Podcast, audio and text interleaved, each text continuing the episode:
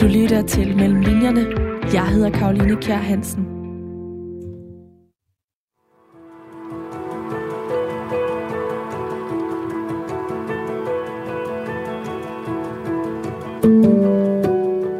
I 1932 stævnede skibet Nordstjernen ud fra havn i Danmark. Der var nærmest vindstille, men sigtbarheden den var så dårlig, at det føltes som at sejle rundt i en kæmpe sky. Det var en gråhvid og tæt, men let masse, som skibet strøg igennem. Målet, det var Grønland, og besætningen den bestod af i alt 66 personer. Tilsammen der udgjorde de den syvende Thule-ekspedition, der havde til formål at blive klogere på Grønland sådan rent videnskabeligt, og det var en, der blev ledet af polarforskeren Knud Rasmussen. Men der var noget ret usædvanligt ved den her syvende ekspedition, som i øvrigt også endte med at blive den sidste af sin slags. Med ombord der var for første gang nogensinde en kvinde. Klædt i gummisko og en sweater, som hun havde lånt af sin veninde, der stak hun ret meget ud fra det øvrige mandskab. Men hun var fuld af forventninger og mod, og det havde hun også god grund til at være, for hun havde noget at have det i. Signe Marie Jørgensen hed hun, men hun blev egentlig bare kaldt Marie. Senere der giftede hun sig til efternavnet Hammer, så det er det navn, Marie Hammer, der vil vække genklang. Men det gør det for de færreste mennesker i dag. Og det er på trods af, at hun efter sin medvirken i Thule-ekspeditionen endte med at blive en vigtig forsker og faktisk kan betragtes som en af de mest betydningsfulde videnskabskvinder, om ikke andet så i hvert fald i det 20. århundrede. Hendes navn det vækkede heller ikke genklang hos mig, og det gjorde det heller ikke hos forfatter Eva Tind indtil i 2016, hvor hun stødte på det. I sidste måned der udgav hun romanen Kvinden, der samlede verden, og den handler netop om Marie Hammers liv. Fordi Marie Hammer, hun er blevet glemt længe nok, mener Eva Tind. Og det mener jeg også efter at have læst bogen, og fordi det her i maj måned er 19 år siden, at Marie Hammer hun gik bort, så markerer jeg det i dag og dykker ned mellem linjerne i Kvinden, der samlede verden. Og det gør jeg som altid sammen med forfatteren selv. Eva Tind, velkommen til. Tak. Allerførst så vil jeg gerne lige ønske dig et stort tillykke med den flotte modtagelse af bogen. Den har blandt andet fået seks stjerner i øh, JP, den har fået fem i Berlinske og flotte, flotte ord i Information og Weekendavisen, hvor de blandt andet kalder det en page-turner og en rørende roman. Er det ikke helt vildt? Jo, det er det. Det er rigtig dejligt. Mellem linjerne, det er programmet her på øh, Radio 4, hvor jeg taler med nogle af Danmarks dygtigste forfattere om alle de forberedelser og oplevelser, der ligger før deres bøger de kunne skrives. Med andre ord alt det research-arbejde, som forfatterne de har været ude i, og som ligger mellem linjerne i bøgerne. Og Kvinden, der samlede verden, den bygger på flere års research siden 2016, hvor at, øh, du stødte på Marie Hammers navn første gang. Og det er en proces, der blandt andet rummer en historie om en sej, lang kamp med Fredensborg arkiver, som du nær ikke havde fået adgang til, hvis du ikke havde fundet frem til Marie Hammers børn, som stadig lever den dag i dag. Og den historie skal vi høre lidt senere, men allerførst så tænker jeg, at vi lige skal have sat lidt flere ord på, hvem Marie Hammer hun var. Vil du ikke lægge for med det? Jo, det vil jeg gerne. Hvad hedder det? Øh, jamen altså, Marie er jo et meget øh, alsidigt menneske på den måde, at øh, hun er uddannet zoolog og har speciale i øh, mosmider, som er sådan nogle bitte, bitte små øh, bitte små jordmider, man, der lever i jorden, øh, og som man ikke kan se med det blotte øje. Øh, derudover er hun øh, mor til fire, øh, og hun øh, er også jordomrejser øh, og eventyr. Øh, og på den måde er hun jo sådan et, et ret øh, specielt menneske. Hun øh, levede det meste af 1900-tallet, blev født i 1907 og døde så i 2002. Og du siger, at hun var en eventyr. Hun var altså helt vanvittigt rundt i verden, kan man godt sige. Hun var øh, blandt andet på øh, Island, Grønland, som jeg nævnte før, Kanada, USA, Mexico, Argentina, Chile, Bolivia, Panama, Ecuador, Peru, Fiji, New Zealand, Tahiti. Altså listen, den, den kunne simpelthen blive ved. Og alligevel så formåede hun at få fire børn og blev gift med øh, Ole Hammer, som han hedder. Han var også zoolog, fire år yngre end hende, og øh, en, der sådan virkelig charmerede sig, sig ind på hende. Vil du ikke sige det? Det, det, det kan man godt. Kan ja. ja den forskning, som Marie Hammer bedrev, den er egentlig ret vigtig for øh, os danskere, der lever i dag. Det er derfor, man også kan sige, at hun var en vigtig videnskabsforsker. Og det var, fordi hun arbejdede med den her øh, kontinentalteori om, at vores vores kontinent har hængt sammen en gang. Hvordan hænger hendes forskning helt præcis sammen med, med, med den øh, teori? Altså det, der er lidt specielt, det er jo, at hun egentlig øh, krydser altså to øh, videnskaber. Øh, på den måde, at hun jo, hendes, øh, hvad hedder det, arbejdsfelt er de her bitte små midler, øh, som lever i jorden. Men, hvad hedder det, øh, men hun bliver optaget af Veners teori om kontinenternes drift øh, meget tidligt. Øh, og på en eller anden måde, så får hun ligesom koblet de her to teorier. Så det er jo, er jo kan man sige, en, en historie om, øh, om kontinenterne, men også om de her bitte, bitte små dyr. Og det får hun ligesom sat sammen, de her to punkter, kan man sige. Og det er jo det, der gør, at hendes øh, hvad hedder det, forskning skiller sig ud i forhold til alle mulige andre forskere, eller for eksempel hendes mand, som jo, øh, som jo forsker i bier, for eksempel. Men det, der gør, at hendes får en ekstra dimension, det er, at hun ligesom kobler det med en anden videnskab også. Helt konkret så rejser hun rundt til alle de her lande og undersøger jordbunden og finder ud af, at der er nogle af de samme øh, mider, noget af det samme dyreliv i jordbunden de forskellige steder. Og på den måde kan man sige, at hun lidt sætter øh, vores øh, verden sammen, altså kontinenterne sammen, som et form for puslespil, har du tidligere beskrevet det som. I 2016, der øh, stødte du på hendes navn, efter at du havde øh, skrevet bogen om øh, Asta Nielsen, som var stumfilmskuespillerinde, noget helt andet Øhm, du debuterede ellers i 2009 med digtsamlingen Du, eller udtales det Do? Do, ja. Do øh, som du modtog øh, Claus Riffbjergs debutantpris fra det Danske Akademi i 2010 for. Og siden der har du udgivet to digtsamlinger og to romaner. Det er senest Ophav, som øh, også blev meget anmelderrost. Men i 2016, der var det så Astas skygge, som bogen hed, Asta, mm-hmm. om Asta Nielsen. Og i forbindelse med, at du havde skrevet den, så stødte du på øh, Marie Hammers navn. Hvordan er historien der? Altså, øh, jamen, jeg bliver bare meget optaget af det der med, at, at, øh, at fordi det, der er så ekstremt ved Asta Nielsen, det er jo, at hun er en af de største pionerer, vi har haft. Altså, hun er jo med til at opfinde film som ny kunst. Det er den eneste kunstart, der er opfundet i nyere tid. Øhm, og da jeg ligesom er ved at være ved enden, så tænker jeg, gud, der må der være sindssygt mange, der på en eller anden måde er faldet ud af historien hvis hun, så stor som hun er, kan falde ud.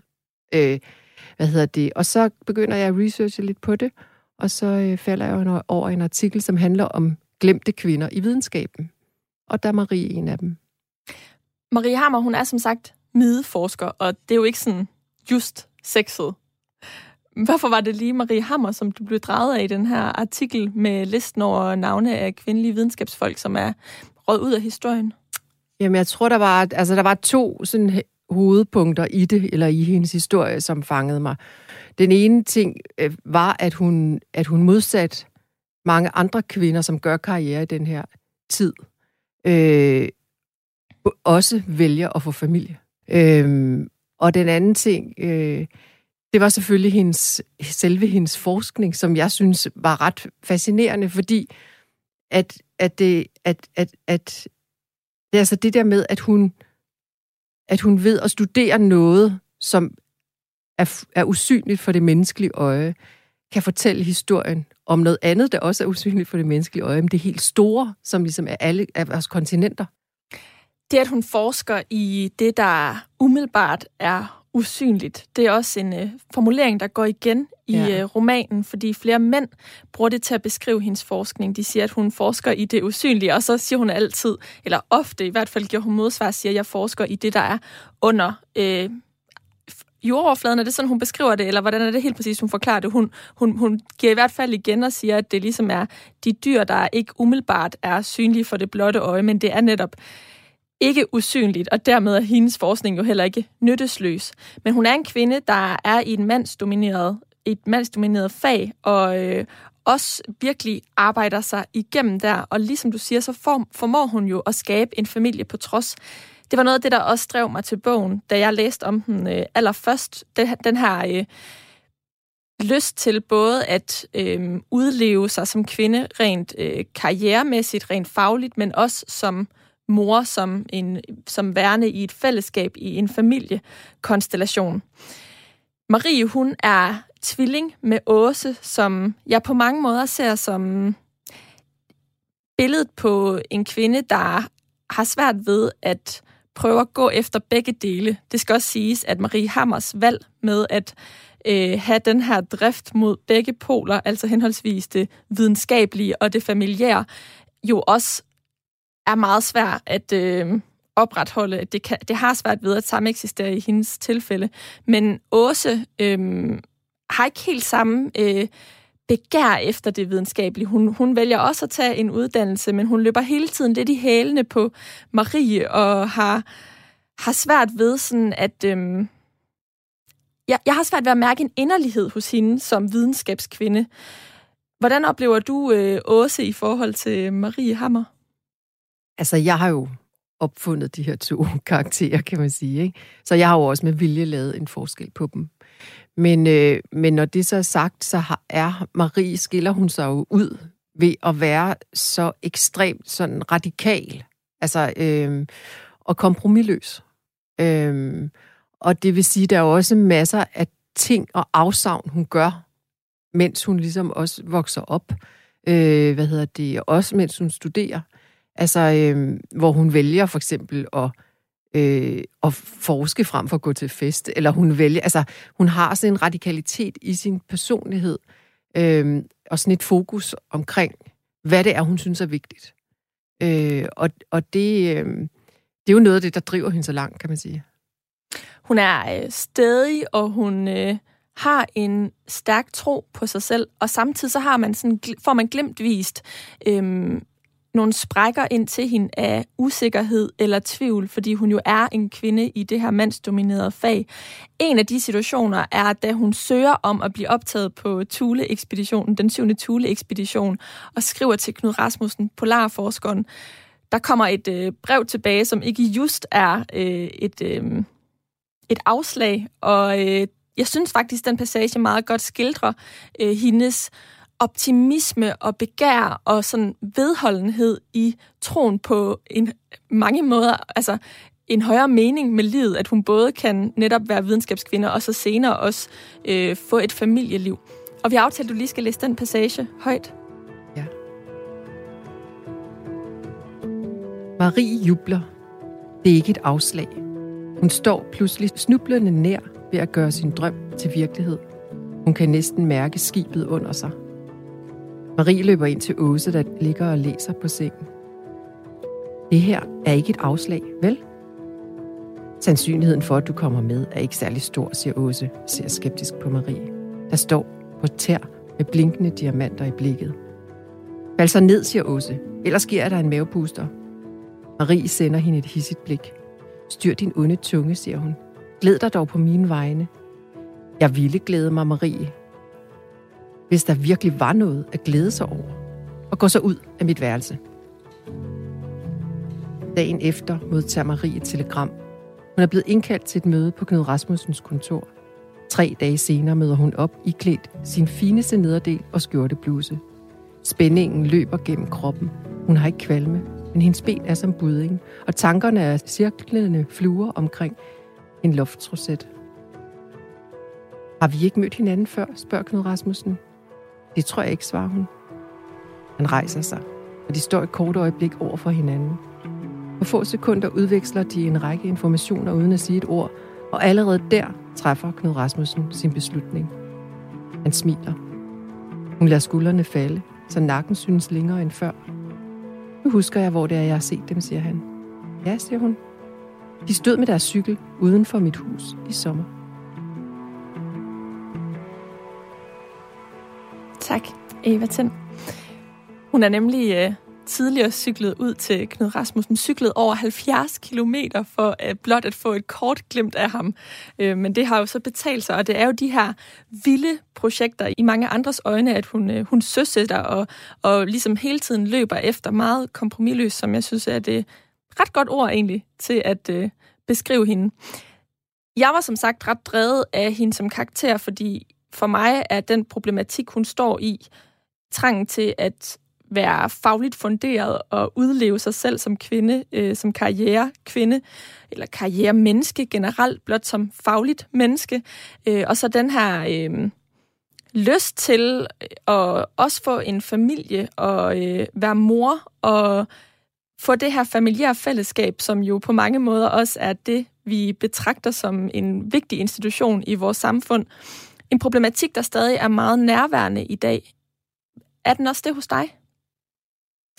Altså, øh, det tror jeg, den jo generelt er for, for mennesker, som forsøger ligesom at arbejde eller øh, udtrykke nogle ting fra deres indre, kan man sige, øh, gennem deres arbejde. Øh, og der er det jo altid, kan man sige, en, en problematik, det der med, hvordan balancerer man tingene? Altså, hvordan balancerer jeg mit arbejde i forhold til min familie, for eksempel? Øhm, og der, der er hun jo en ret interessant karakter, fordi at hun er så ekstrem. Altså, øhm, så det er klart, hun træffer nogle valg og gør nogle ting, som jeg som mor for eksempel ikke vil gøre. Øh, men det, det der er, fordi hun ligesom fordi hun ligesom forstørrer tingene, eller gennem hendes karakter, kan man ligesom få lov at se nogle af de her træk, eller de her problematikker, øh, forstørret, så øh, hvad hedder det, kan man også få lov at undersøge dem. Altså øh, mere sådan nøjagtigt, og det synes jeg har været ret interessant. Har du lært noget af den undersøgelse? Altså, det har i hvert fald bekræftet mig på en eller anden måde i, og det er jo også noget af det, man kan sige, hvordan kan man beskæftige sig med et menneske som Asta Nielsen, som er sådan en stumfilmstjerne og verdensstjerne øh, i forhold til Marie, altså, altså som går i sådan gigantiske øh, kæmpe kjoler og, altså, og er en kæmpe, altså med kæmpe store fjer og sådan noget, ikke? Altså, øh, i forhold til den her lille, undselige kvinde, Marie er med sådan en lille nederdel og, og sådan, øh, altså, en lille korthårsfrisyr og sådan noget, ikke? Altså, de er jo to meget, umiddelbart meget forskellige kvinder.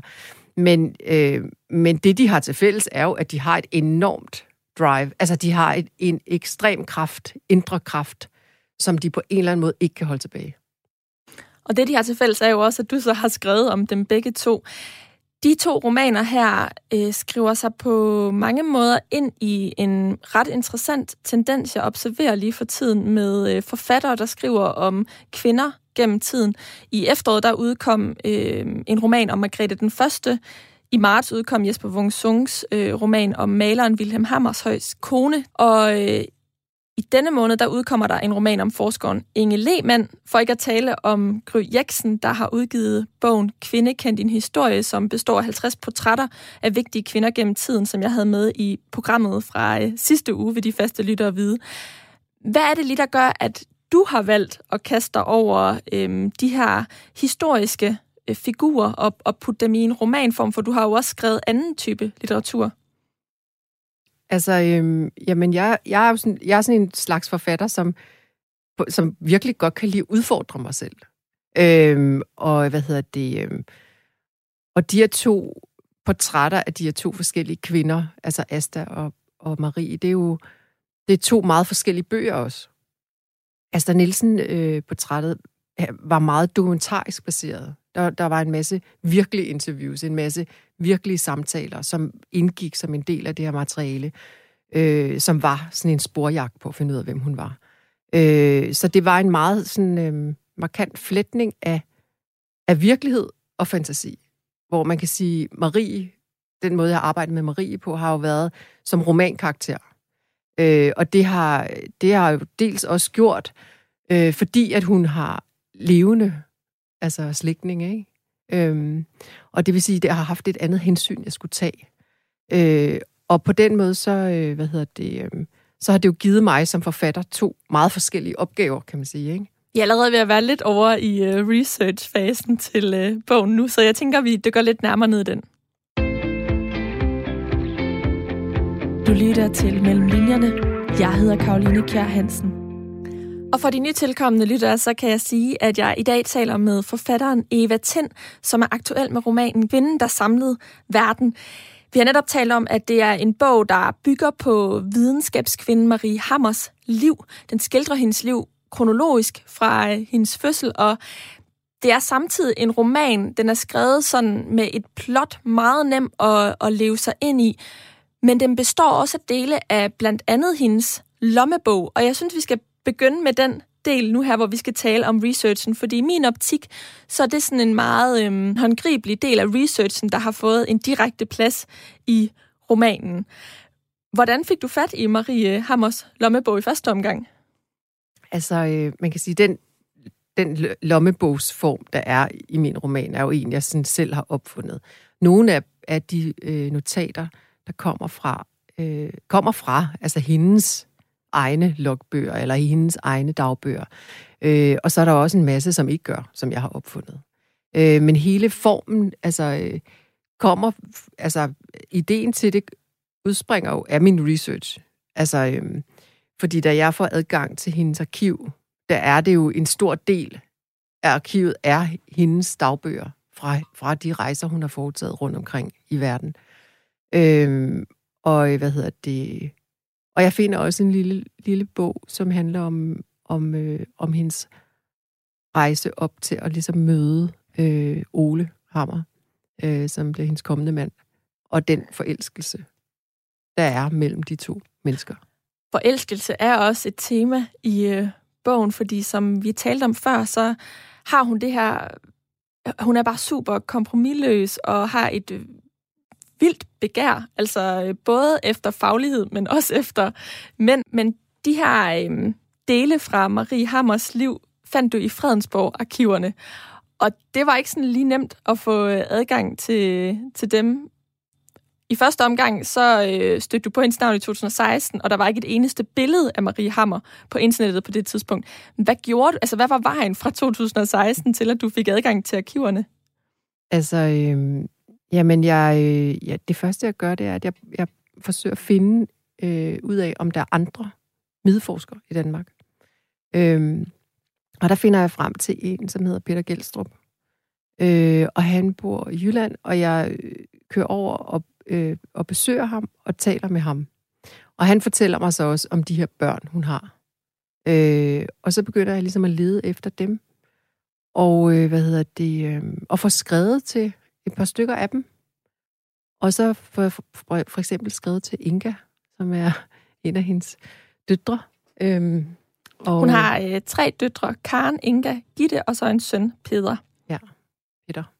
Øh, hvad hedder det? Og, øhm, og, og jeg får skrevet til Inga øh, i forhold til det her med at, at komme ind i det her arkiv, øh, fordi det er det, jeg finder frem. Jeg finder frem til, at hun har indleveret alle sine, altså Øh, skrabbøger og dagbøger osv. til det her arkiv. Øh, og da jeg kontakter arkivet, så får jeg så at vide, at jeg, at jeg skal have tilladelse fra børnene. Øh, så den begynder jeg at skrive til. Og så får jeg skrevet til Inka, hvorefter hun svarer mig, øh, at jeg kan under ingen omstændigheder få adgang til arkivet, for jeg kan jo ikke engang stave. Ouch. og det er ligesom der, jeg møder Inga. Øh, hvad hedder det? Senere kommer jeg så over, besøger hende og laver et interview med hende. Øh, og der griner vi rigtig meget af det. Altså, fordi hun ligesom får afklapset mig så hårdt der, første gang jeg kontakter hende. Øh, og samtidig så er, altså, øh, de er meget kontante også, hendes børn ligesom Marie selv. Men Inga ja. har været med i hele processen, fordi hun har også læst øh, manus, da det, manuskriptet, da det lå færdigt. Ja. Og det vender vi tilbage til lidt senere. Men i første omgang, hvordan fik du kontakt til de her børn? Altså, hvordan, hvordan, vidste, hvordan vidste du, hvor du skulle kontakte dem henne? Altså, jamen, jeg får, får deres navne gennem, øh, hvad hedder det, øh, gennem Peter der, og, og, og hvad hedder det, øh, og så, øh, og så finder jeg jo frem til dem en efter en, kan man sige. Og den ene kender jo den anden, kender jo den tredje.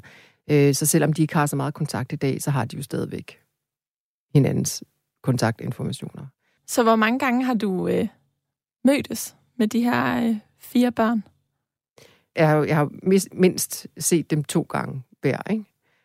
Øh, og så har jeg jo skrevet rigtig meget, specielt med Inga, som jo viser sig at ligesom være altså, guld værd for mig som forfatter, fordi dels laver hun simpelthen en helt tidslinje, som jeg bare kan følge, altså om, på, på, om hendes mors liv.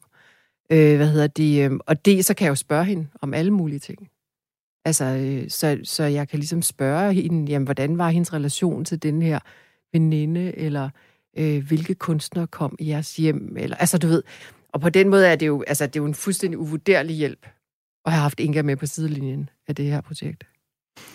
Men Inga har jo ikke været med i Marie Hammers liv hele tiden, fordi hun skulle jo også først fødes. Og der jeg for, tænker jeg, at du har øh, brugt de her, øh, de her ting, du fandt i arkivet, som du fik adgang til via børnene, eller hvordan endte det med, at du fik adgang til det arkiv?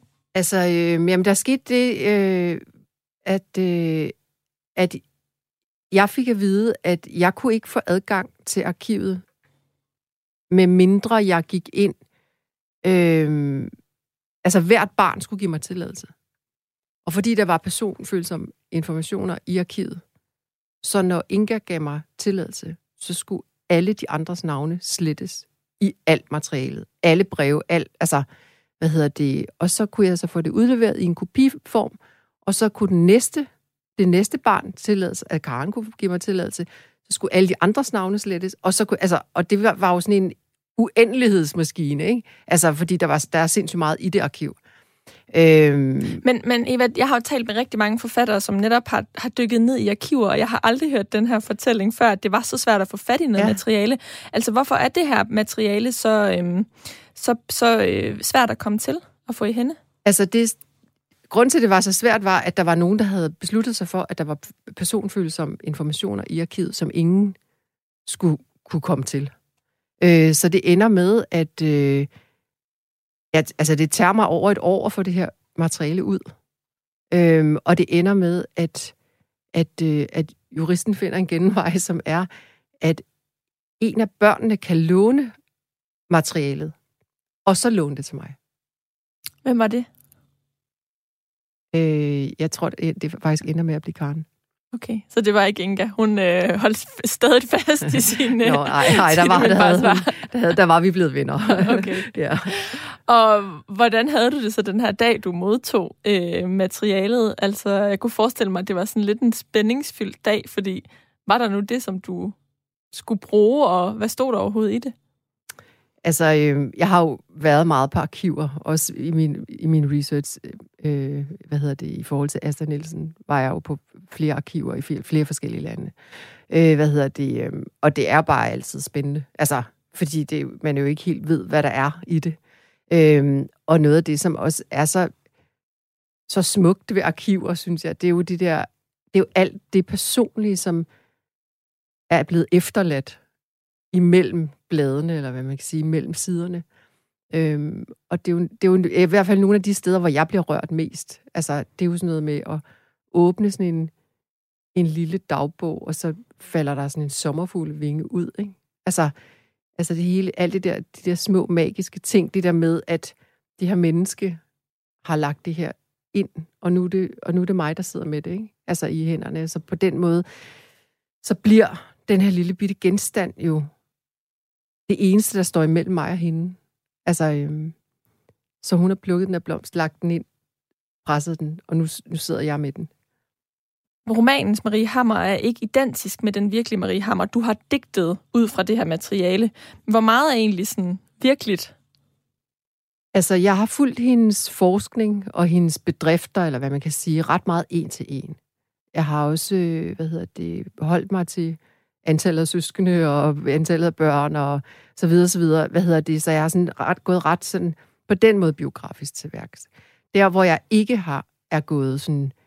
Øh, der har været områder, hvor jeg har valgt at sige, fordi... Altså også fordi hendes børn var så forskellige i, hvad de egentlig godt kunne tænke sig, der skulle ske, altså i forhold til at beskrive deres mor. Øhm, altså, hvad hedder det? Og fordi de var så forskellige i, hvad de egentlig godt kunne ønske sig, at jeg gjorde med, med hele det materiale, så, hvad hedder det, øh, så besluttede jeg mig simpelthen for at, øh, at lave en fiktion. Øh, fordi jeg ville aldrig kunne opfylde alles behov. Øh, og derfor blev jeg på en eller anden måde nødt til at skabe min egen karakter. Øh, og der, hvor man kan sige, hvad er det så, der gør, altså hvor virkeligt er det, eller hvad man kan sige. Jeg, jeg har jo jeg har fulgt rigtig meget Øh, altså, fordi jeg har jo interviewet børn og så videre, så jeg ved jo, at hun har haft, hvilke slags venskaber hun har haft. Jeg ved jo noget om, hvad det er for nogle mennesker, der betyder noget for hende. Øh, men præcis, hvad deres relation har været, hvad de har talt sammen om, hvad hendes, altså, hvad der har været i hendes indre, når hun har tænkt på dem. Det er jo noget, jeg har digtet. Øh, men, men det er jo baseret på noget, kan man sige, som, som er virkeligt. Altså, på den måde, at jeg for eksempel ved, at hun mister kontakten med sin tvillingssøster Åse. Øhm, og de ikke ser hinanden i mange år. Men jeg ved ikke, hvorfor. Og der vælger jeg jo så ikke at gå ind og spørge. Af den simple årsag, at jeg har ikke, jeg har ikke lyst til at udlevere hende. Jeg har ikke lyst til at udlevere deres relation. Så jeg skaber ligesom min egen øhm, forklaring og min egen, mine egne scener. Øhm, og det har, det har jeg jo også gjort på en eller anden måde som en slags beskyttelse, eller hvad man kan sige, af deres egentlige historie.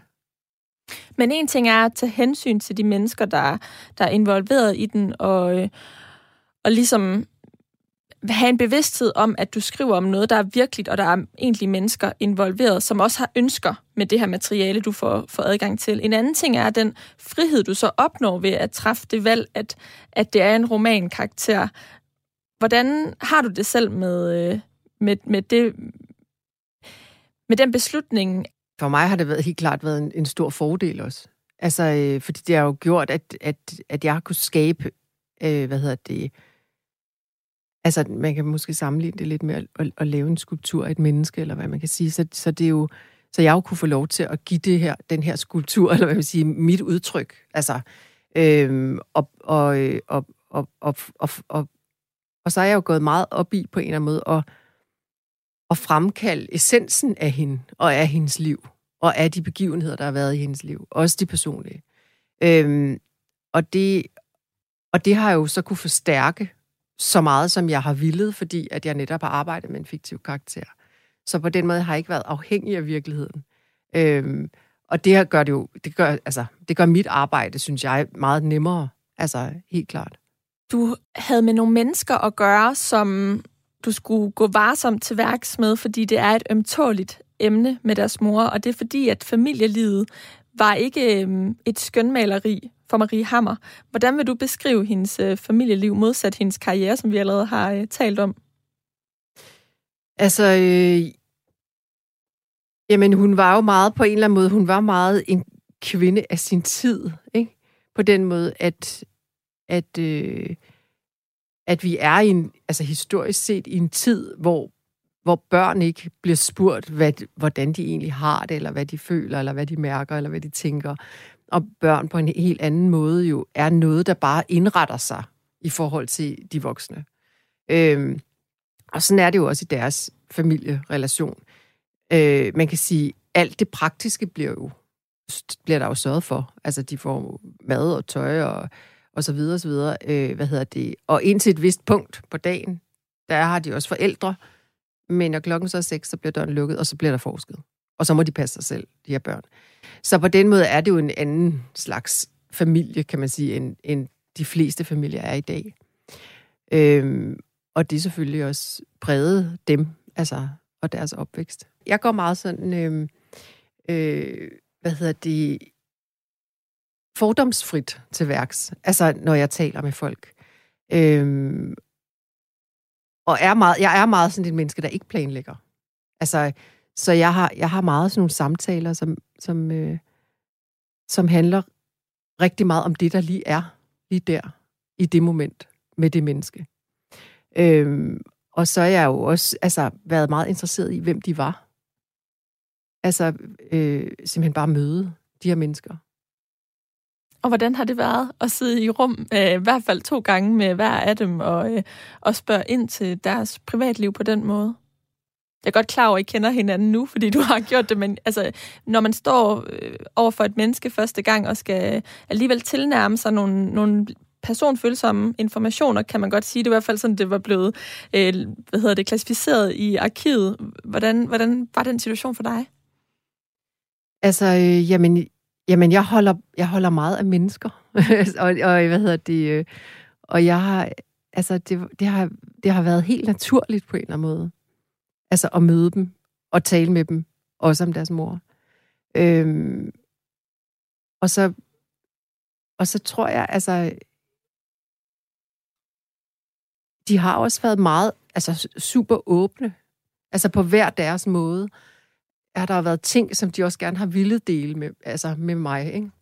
Øhm, og på den måde har det ikke på nogen måde været svært at, at tale med dem. Jeg har det simpelthen ikke. Hvor, hvor vigtige har de her samtaler været for romanens tilblivelse? Altså, de har været sindssygt vigtige i forhold til, at jeg fik en fornemmelse af hendes personlighed og hendes øh, udstråling, eller hvad man kan sige, fordi den på en eller anden måde strømmer gennem dem. Altså, øhm, og, og der har heller ikke, altså der, der er ikke nogen, der ligesom har sagt, gud, nej, det, sådan var hun virkelig ikke. Eller, altså, så jeg tror egentlig, jeg har ramt hende ret godt i det der sådan meget nøgterne, øh, kompromilløse, stedige, øh, til tider også, altså, øh, øh, grænseoverskridende, altså, øh, hvad hedder det, som hun jo har i sin personlighed. Så i virkeligheden er de her møder også et spørgsmål om at observere hendes børn, og derved få en fornemmelse af, hvordan hun vil være som menneske, altså fortolke på deres øh, armbevægelser eller sådan gemyt? Altså ja, altså det, er jo, det har i hvert fald været sådan noget med, altså det kender du jo også, hvis du, hvis du fortæller mig om et menneske. Altså så, så skinner det menneske jo også igennem dig på en eller anden måde. Den måde, du taler om det menneske på, er jo, altså, giver jo mig en idé om, hvad det er for en slags menneske, du beskriver. Øhm, og på den måde, så, så øh, hvordan er det, der, der var der sådan et udtryk, som er, jeg så de øjne, som så kejseren. Altså, det der med, at man, at man, øh, at, at, at jeg på en eller anden måde får lov at se hende gennem dem. Men en ting er øh, den aura, hun bærer med sig, som, som kan skinne igennem den. En anden ting er ligesom konkrete, faktuelle, vel nærmest, altså konkrete fakta omkring, hvordan øh, slagets gang har været. Og øh, du har fundet en scene, som øh, er et eksempel på det, hvordan du har talt med Marie Hammers børn og, og formået at skrive det ind til den her meget levende fortælling. Ja, det er sådan en lille scene, som, øh, hvad hedder det, som børnene har beskrevet for mig. Det der med, at de, øh, når hun sidder arbejdet, ikke måtte komme ind på hendes arbejdsværelse. Og vi er i 1946. Når hun sidder i sit arbejdsværelse i den bagerste stue, er børnene forment adgang.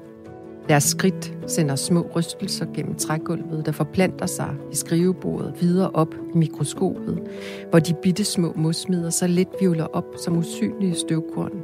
Og så skal hun starte forfra. Mor? Nej, ikke nu, Inga, siger Marie. Jamen, siger Inga. Træd tilbage, siger Marie. Bag trinet. I skal slet ikke komme herind, når jeg arbejder. Men hvad laver du? Tegner søde Inga. Må jeg se? Nu har du alligevel ødelagt de sidste to timers arbejde, så kan du vel lige så godt komme ind og glo. Tak, siger Inga, tramper hen over gulvet. Hvor er du sød, mor. Du skal ikke fedte. Det gør jeg heller ikke, men det er virkelig sødt af dig. Hmm. Inga sætter øjnene mod mikroskopet, så Marie indstiller sig, det passer hende. Du kan skrue her, indtil dyret står knivskarpt, forklarer Marie. Inga bliver stille. Det kraftige lys slår gennem den dråbeformede gyldne krop, der har otte ben, et lille hoved og nogle underlige små hår eller antenner, som stikker ud af skjoldet. Hold da op en underlig en, siger Inga. Ja, den er helt særlig. Er de alle sammen så sjove? Der er mange, der ligner hinanden. Men der er tit nye dyr i prøverne. Det er det, der gør det så spændende. Den er flot, når den lyser.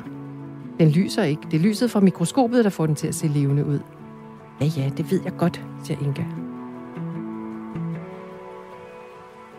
Og det er jo meget, det er en meget detaljeret samtale, der er gengivet her. Jeg forestiller mig ikke, at øh, Inga kunne gengive ordene så præcist, da du talte med hende. Nej, det er, jo, det er jo en dialog, jeg skriver. Altså, men igen det der med, jeg skriver den jo på baggrund af, af en begivenhed, eller en, en, en, en information, jeg får, altså som er det her med, at de, hvis de går på gulvet, så kan de her bitte små dyr vende sig, og så skal hun starte forfra. Og det hader hun. Altså det der med, at, ligesom, at lagt så stort et stykke arbejde i noget, og så fordi der er en, der træder hårdt i gulvet, så skal hun starte forfra. Så det er jo sådan en, en, en øh, det er en, en scene, jeg skriver frem, kan man sige, men på baggrund af en, en uh, information, som de har givet børnene. Du har tydeligvis taget øh, stor hensyn til de mennesker, der stadig lever i dag i skildringen af Marie Hammers fortælling. Og jeg oplever ikke Marie Hammer som øh, usympatisk, selvom at øh, der kunne være øh, træk, som vi har talt om, der kan opfattes sådan for lytterne, der ikke har læst bogen endnu. Men, men hvilke tanker har du gjort dig omkring at skrive en fortælling frem om et menneske, som, altså, som er gået bort, som, som ikke har kunne, kunne give dig tilladelse og kunne verificere din, din skildring, eller i hvert fald sige god for den? Altså, øh, jamen, jeg har, jo, jeg har jo her i den her bog, har jeg jo kunne læne mig rigtig meget op af familien, kan man sige, ikke? Hvor at, øh, at jeg havde helt anderledes flere diskussioner med mig selv, da jeg, da jeg skrev bogen om Astrid Nielsen. Øh, men det var simpelthen fordi, at, øh, at jeg også vidste, at, øh, at hun ville ikke nødvendigvis have ønsket det. Og der tror jeg faktisk, at jeg har det lidt anderledes med Marie. Altså, øh, at hun også på en eller anden måde, altså en af grundene til, at hun overhovedet indleverer de her ting og sorterer hendes arkivmateriale, har jo også været, at hun på en eller anden måde har ønsket at overleve, ikke? Hun har også skrevet sin selvbiografi, som udkom ja. i 1981, og som hun faktisk fik Weekendavisens litteraturpris for. Ja. Så hun havde også et litterært talent. Ja, det havde hun. Altså, hun skriver rigtig fint. Altså, fuldstændig ligesom Astrid Nielsen. Hun får faktisk den samme pris, Astrid Nielsen. Også for hendes øh, selvbiografi. Hvad har du lært af den her research-proces øh, i forhold til den forrige med Astrid Nielsen? Altså, øhm, at der klart er en stor frihed ved at skrive om et menneske, som ikke har nogen reelt, altså, altså hvad hedder det, no, nogen familie. Altså, det er jo klart, fordi at det, det gør jo, at, at jeg på en helt anden måde bare kan skrive det, jeg vil. Øhm, men igen, så har det også en kæmpe stor fordel, det der med, at der er levende mennesker, som har været sammen med hende og levet sammen med hende, øhm, som gør, at jeg kan komme måske lidt tættere på. Altså, øhm, hvem, altså det, det egentlige menneske, kan man sige. Jeg er spændt på øh, at høre, hvad du har lært af så selve skriveprocessen. Vi skal lige nå at vende den her til slut.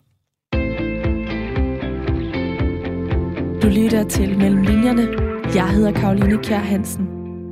Og i dag dykker jeg ned mellem linjerne i romanen Kvinden, der samlede verden, som du, Eva Tind, har skrevet. Du stødte på hendes navn første gang for fem år siden, men hvor lang tid har du egentlig brugt på at skrive bogen?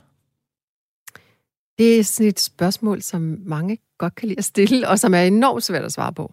Altså, øh, fordi mm, specielt med bøger, hvor man researcher meget, der er en del af skriveprocessen jo selve researchen. Altså, øh, øh jeg, jeg blev færdig med Astrid Nielsen-bogen, og begynder at researche på, på, på Marie Hammer. Øh, men så begynder jeg at skrive den, min seneste roman, Ophav. Øhm, så, så, så de to processer har faktisk kørt parallelt. Hvordan har det været med sådan to parallelle verdener at kunne øh, hoppe Jamen, ind og ud af? Altså, det, altså man kan sige, den, altså, men når, når jeg, jeg, kan, jeg kunne sagtens gå ud og lave et interview, eller og så videre, så videre, jeg skrev ikke på bogen. Øh, så har der været nogle enkelte perioder, hvor at der har været nogle pauser i ophav, jeg har ventet på et eller andet, eller gjort et eller andet. Og der er jeg så øh, begyndt at, at lave begyndelser på den her roman. Og det tog mig faktisk noget tid at finde formen, altså finde ud af, hvordan jeg skulle skrive den. Dels fordi jeg ikke havde lyst til at gentage mig selv og gøre noget, jeg havde gjort før. Øh, og dels fordi, at, øh, at, at jeg ligesom skulle finde ud af, hvad er det for en stemme, der skal fortælle den her historie. Og jeg var også en, ude omkring sådan, sådan noget versioner, hvor hun var gammel og på plejehjem, og, og der er der den her kvinde, der, der får hendes historie af hende. Og jeg mm. er ude i en anden version, hvor hun sidder ude på New Zealand og har og er virkelig gammel og, og har taget alt sit researchmateriale med derud. Og sådan, altså, jeg har gang i alle mulige forskellige begyndelser. Øh, indtil jeg ligesom lander på den her fuldstændig enkle, altså, øh, øh, hvad hedder det, udformning, som jo er bare er at følge hende og følge hendes liv og hendes stemme. Kan ja, kronologisk og ja. en alvidende fortæller, ja. men, øh, men jo meget fra Marie Hammers øh, ja. synsvinkel hele tiden. Men hvordan kom du frem til den begyndelse? Altså, øh, det tror jeg var et, et spørgsmål om at gøre det mere og mere enkelt. Altså, øh, og ligesom komme ind til kernen af, hvad det var, jeg egentlig gerne ville sige. Altså, øhm, så man kan sige, at alle de forskellige strukturer, jeg prøvede at lægge ned over, lykkedes mig på en eller anden måde ikke rigtigt, fordi jeg hele tiden blev skudt et andet sted hen. Øhm, så det mest enkle ved at fortælle Maries historie, det var faktisk ved at bare fortælle Marie. Sproget kunne jeg godt tænke mig lige at dvæle ved, fordi jeg synes, sproget er fuld af fantastisk billedsprog. Øhm, jeg har valgt øh, to eksempler her, øh, og det er bare to af mange eksempler. Blandt andet så skriver du på et tidspunkt, hele dagen sværmer spørgsmål i hendes hjerne, som bananfluer om et stykke sød, gæret frugt. Og hendes hjerne er, er Marie Hammers hjerne. Det er i forbindelse med, at hun øh, skal ind til en samtale omkring et øh, muligt job, som hun så faktisk ender med at takke nej til, hvilket alle synes er helt vanvittigt, fordi hun jo har haft ret svært ved at finde fodfæste øh, i sin karriere, fordi der for, først og fremmest var, var økonomisk krise på det her tidspunkt i 1930'erne, men også fordi hun var kvinde.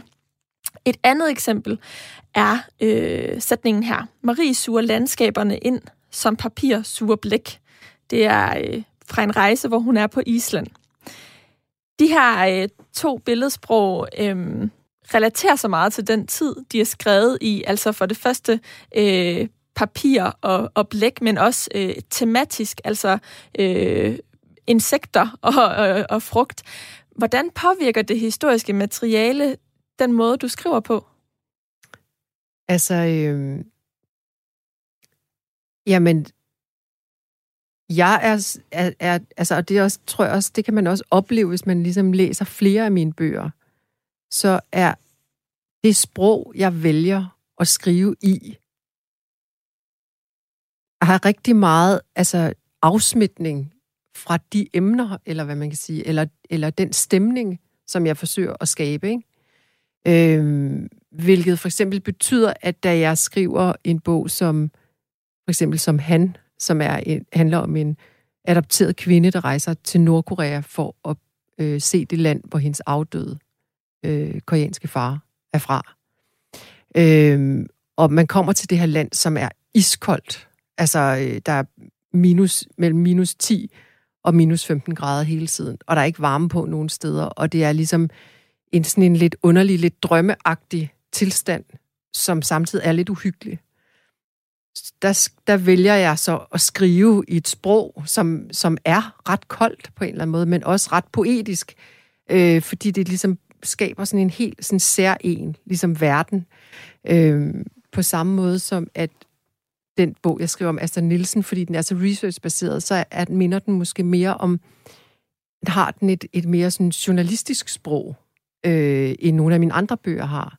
Øh, hvad hedder det? Så på den måde at, at kan, min, kan mine bøger, tror jeg, opleves meget forskelligt. Altså som om, at, at øh, altså, det, er ikke, det, er ikke, det er ikke, når du læser en bog af mig, læser du ikke en slags sprog, eller hvad man kan sige. Det er ikke, det er ikke jeg har ikke skrevet med samme, samme sprogtone, eller hvad man kan sige.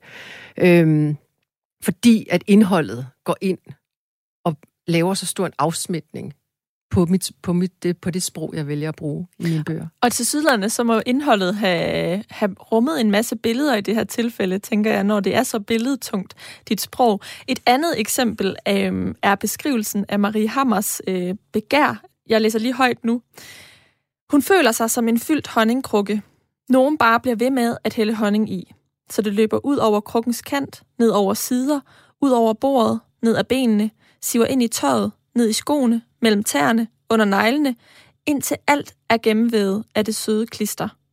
Hun forsøger at se helt normalt ud, men det er svært, for det klistrer, og hun bliver bare ved med at slikke sig om læberne. Og det er altså en kvinde, der øh, kigger på en mand, som hun er meget forelsket i.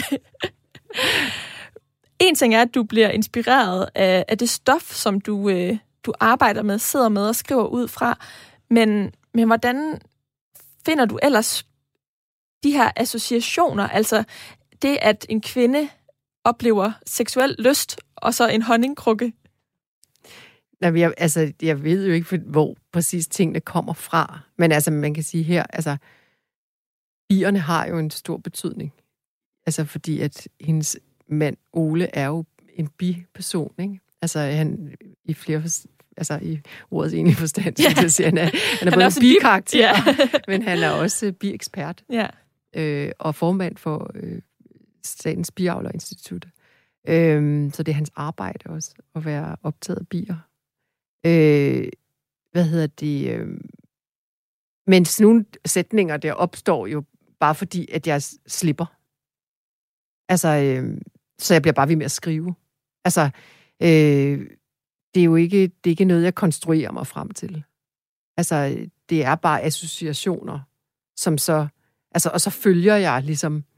Øh, altså, så der er en eller anden form for startpunkt, og så forfølger jeg det, for at se, hvor det er, det ender henne.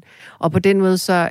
Altså, det er jo noget af det, som jeg elsker ved at skrive, det er jo det der med ikke selv at vide, hvor det er, det ender. Altså, øh, ikke selv at vide, hvor den sætning ender. Men samtidig må der også have været nogle sådan konkrete elementer fra teksten, der gør, at du får de associationer, i det her tilfælde bier. Det, det kan der sagtens have været. Altså, men jeg ved det jo ikke helt præcist. Altså, det er jo meget sådan noget med... Altså, den måde, jeg skriver på, skriver jeg ret intuitivt, ikke? Øh, og det betyder, at, øh, at jeg forsøger at styre mindst muligt. Da du så havde skrevet det hele, så øh, fik Inga, Marie Hammers datter, ene datter, det til gennemlæsning. Hvordan havde du det der, da du, øh, da du stod og skulle, skulle give det til hende? Jamen, øh, jamen, der havde det egentlig okay. Altså, øh, hvad hedder det? Øh, og Inga var også... Øh, hun kom med nogle faktuelle ting og så videre, men øh, havde ellers ikke de store kommentarer. Det var mere øh, en af hendes andre døtre, som havde virkelig mange kommentarer. Okay, Til min og hvordan tekst. var det? Øh, jamen altså, øh, altså forlaget blev lidt, gik, det gik ikke i panik, men det var sådan lidt, øh, altså der var ret mange kommentarer. Øh, og øh, hvad hedder det, og vi skulle lige en runde med det. Øh, og min holdning var bare, at, øh, at jeg, jeg rettede simpelthen bare nærmest alt, hvad hun havde af kommentarer. Altså, øh, Hvorfor det? Jamen, det gjorde jeg, fordi at, øh, at det, det er simpelthen ikke min... Øh,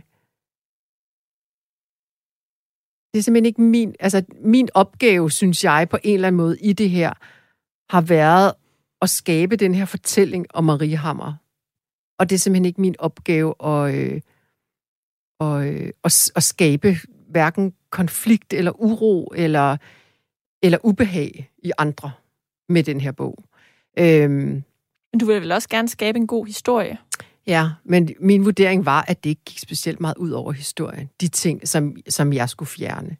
Øh, hvad hedder det? Og selv hvis den skulle blive en lille smule mere tandløs af det, så ville det stadig være en, en, en helt udmærket bog. Altså en helt udmærket bog. Så jeg havde ikke sådan en... Altså... Øh, jeg tror, at jeg på en eller anden måde også har haft sådan en følelse af, at det, altså selvfølgelig var det min bog, men det er også en eller anden form for, for fælles eje, eller hvad man kan sige. Altså, øh, og det er ikke min mor, det er deres mor. Den potentielle konflikt er jo i hvert fald øh, forbigået, fordi at bogen den er udkommet. Hvordan, øh, hvordan havde du det, da den udkom sidste måned? Altså, øh, jamen, jeg havde jo fuldstændig ro. Altså, øh, også netop fordi, at man kan sige, at de diskussioner, der har været omkring det, de var taget. Øhm, så på den måde var der jo fuldstændig ro omkring selve udgivelsen. Men var du ikke spændt på modtagelsen? Altså, jeg synes på en eller anden måde, at jeg, at jeg havde gjort det så godt, jeg kunne. Mm. Øh, og så er det selvfølgelig rigtig ærgerligt, hvis, der, hvis folk ikke kan lide ens bog. Men, men, øh, men, men det, var, det var sådan, som jeg kunne gøre det, kan man sige. Det lyder til, at du er meget god til at se dit forfattervirke som en proces frem for et mål, at der skal være en bog, der kan udkomme øhm, og, og trives i den. Er det korrekt? Ja, altså jeg, det, jeg holder af ved at være forfatter, det er jo selve det at skrive det. Altså at se, se det komme til syne, apropos Marie og hendes mikroskopiske midler, det der med at lægge et lille dyr ind under det her mikroskop, og så, og så få lov at se det udfolde sig. Altså få lov at se, hvad der egentlig er. Altså det er jo, det, det er jo noget af det, som jeg synes er helt fantastisk ved at være forfatter. Det er, at man får lov at fremkalde ting. Øhm, På den måde er der også noget til fælles. Har du lidt til fælles med hende? På trods, altså hvis man betragter processen sådan, ja, jeres virker hver for sig. Altså jeg tror i hvert fald, den der fascination af, at, og, øh, at, og se ting første gang. Altså, øh, som hun jo også har med de her dyr. Fordi hun jo hele tiden ligger dyr under mikroskopet, som ingen, intet menneske har set før. Øh, og så tegner hun og beskriver og navngiver det. Øh, og, og, øh, og sådan kan jeg også godt have det nogle gange, når jeg skriver. Altså, at, at, øh, at, øh, at jeg ser for eksempel en sætning, jeg ikke har set før, eller altså, det der med, at man sådan får lov til at være det første menneske, der ser den her sætning. Sådan kan jeg også godt have det. Er du i gang med at øh, skrive nye sætninger? Eller at portrættere andre kvinder gennem tiden? Altså, jeg er i gang med, jeg har, jeg er sådan gået i gang med at skrive på en, to, tre forskellige ting. Okay. Øh, og jeg ved ikke helt, øh, hvad der tager over. Nej. Nej. Det må tiden vise. Ja. Forfatter Eva Tind, jeg vil sige tusind tak, fordi du ville være med imellem linjerne her på Radio 4 i dag. Selv tak. Og jeg vil også sige tusind tak til dig, der har lyttet med. Det her, det var programmet Mellem Linjerne. Det er et program, hvor jeg taler med nogle af Danmarks dygtigste forfattere om alle de forberedelser og oplevelser, der ligger før deres bøger, de kunne skrives. Mit navn det er Karoline Kjær Hansen. Jeg håber, vi lyttes ved.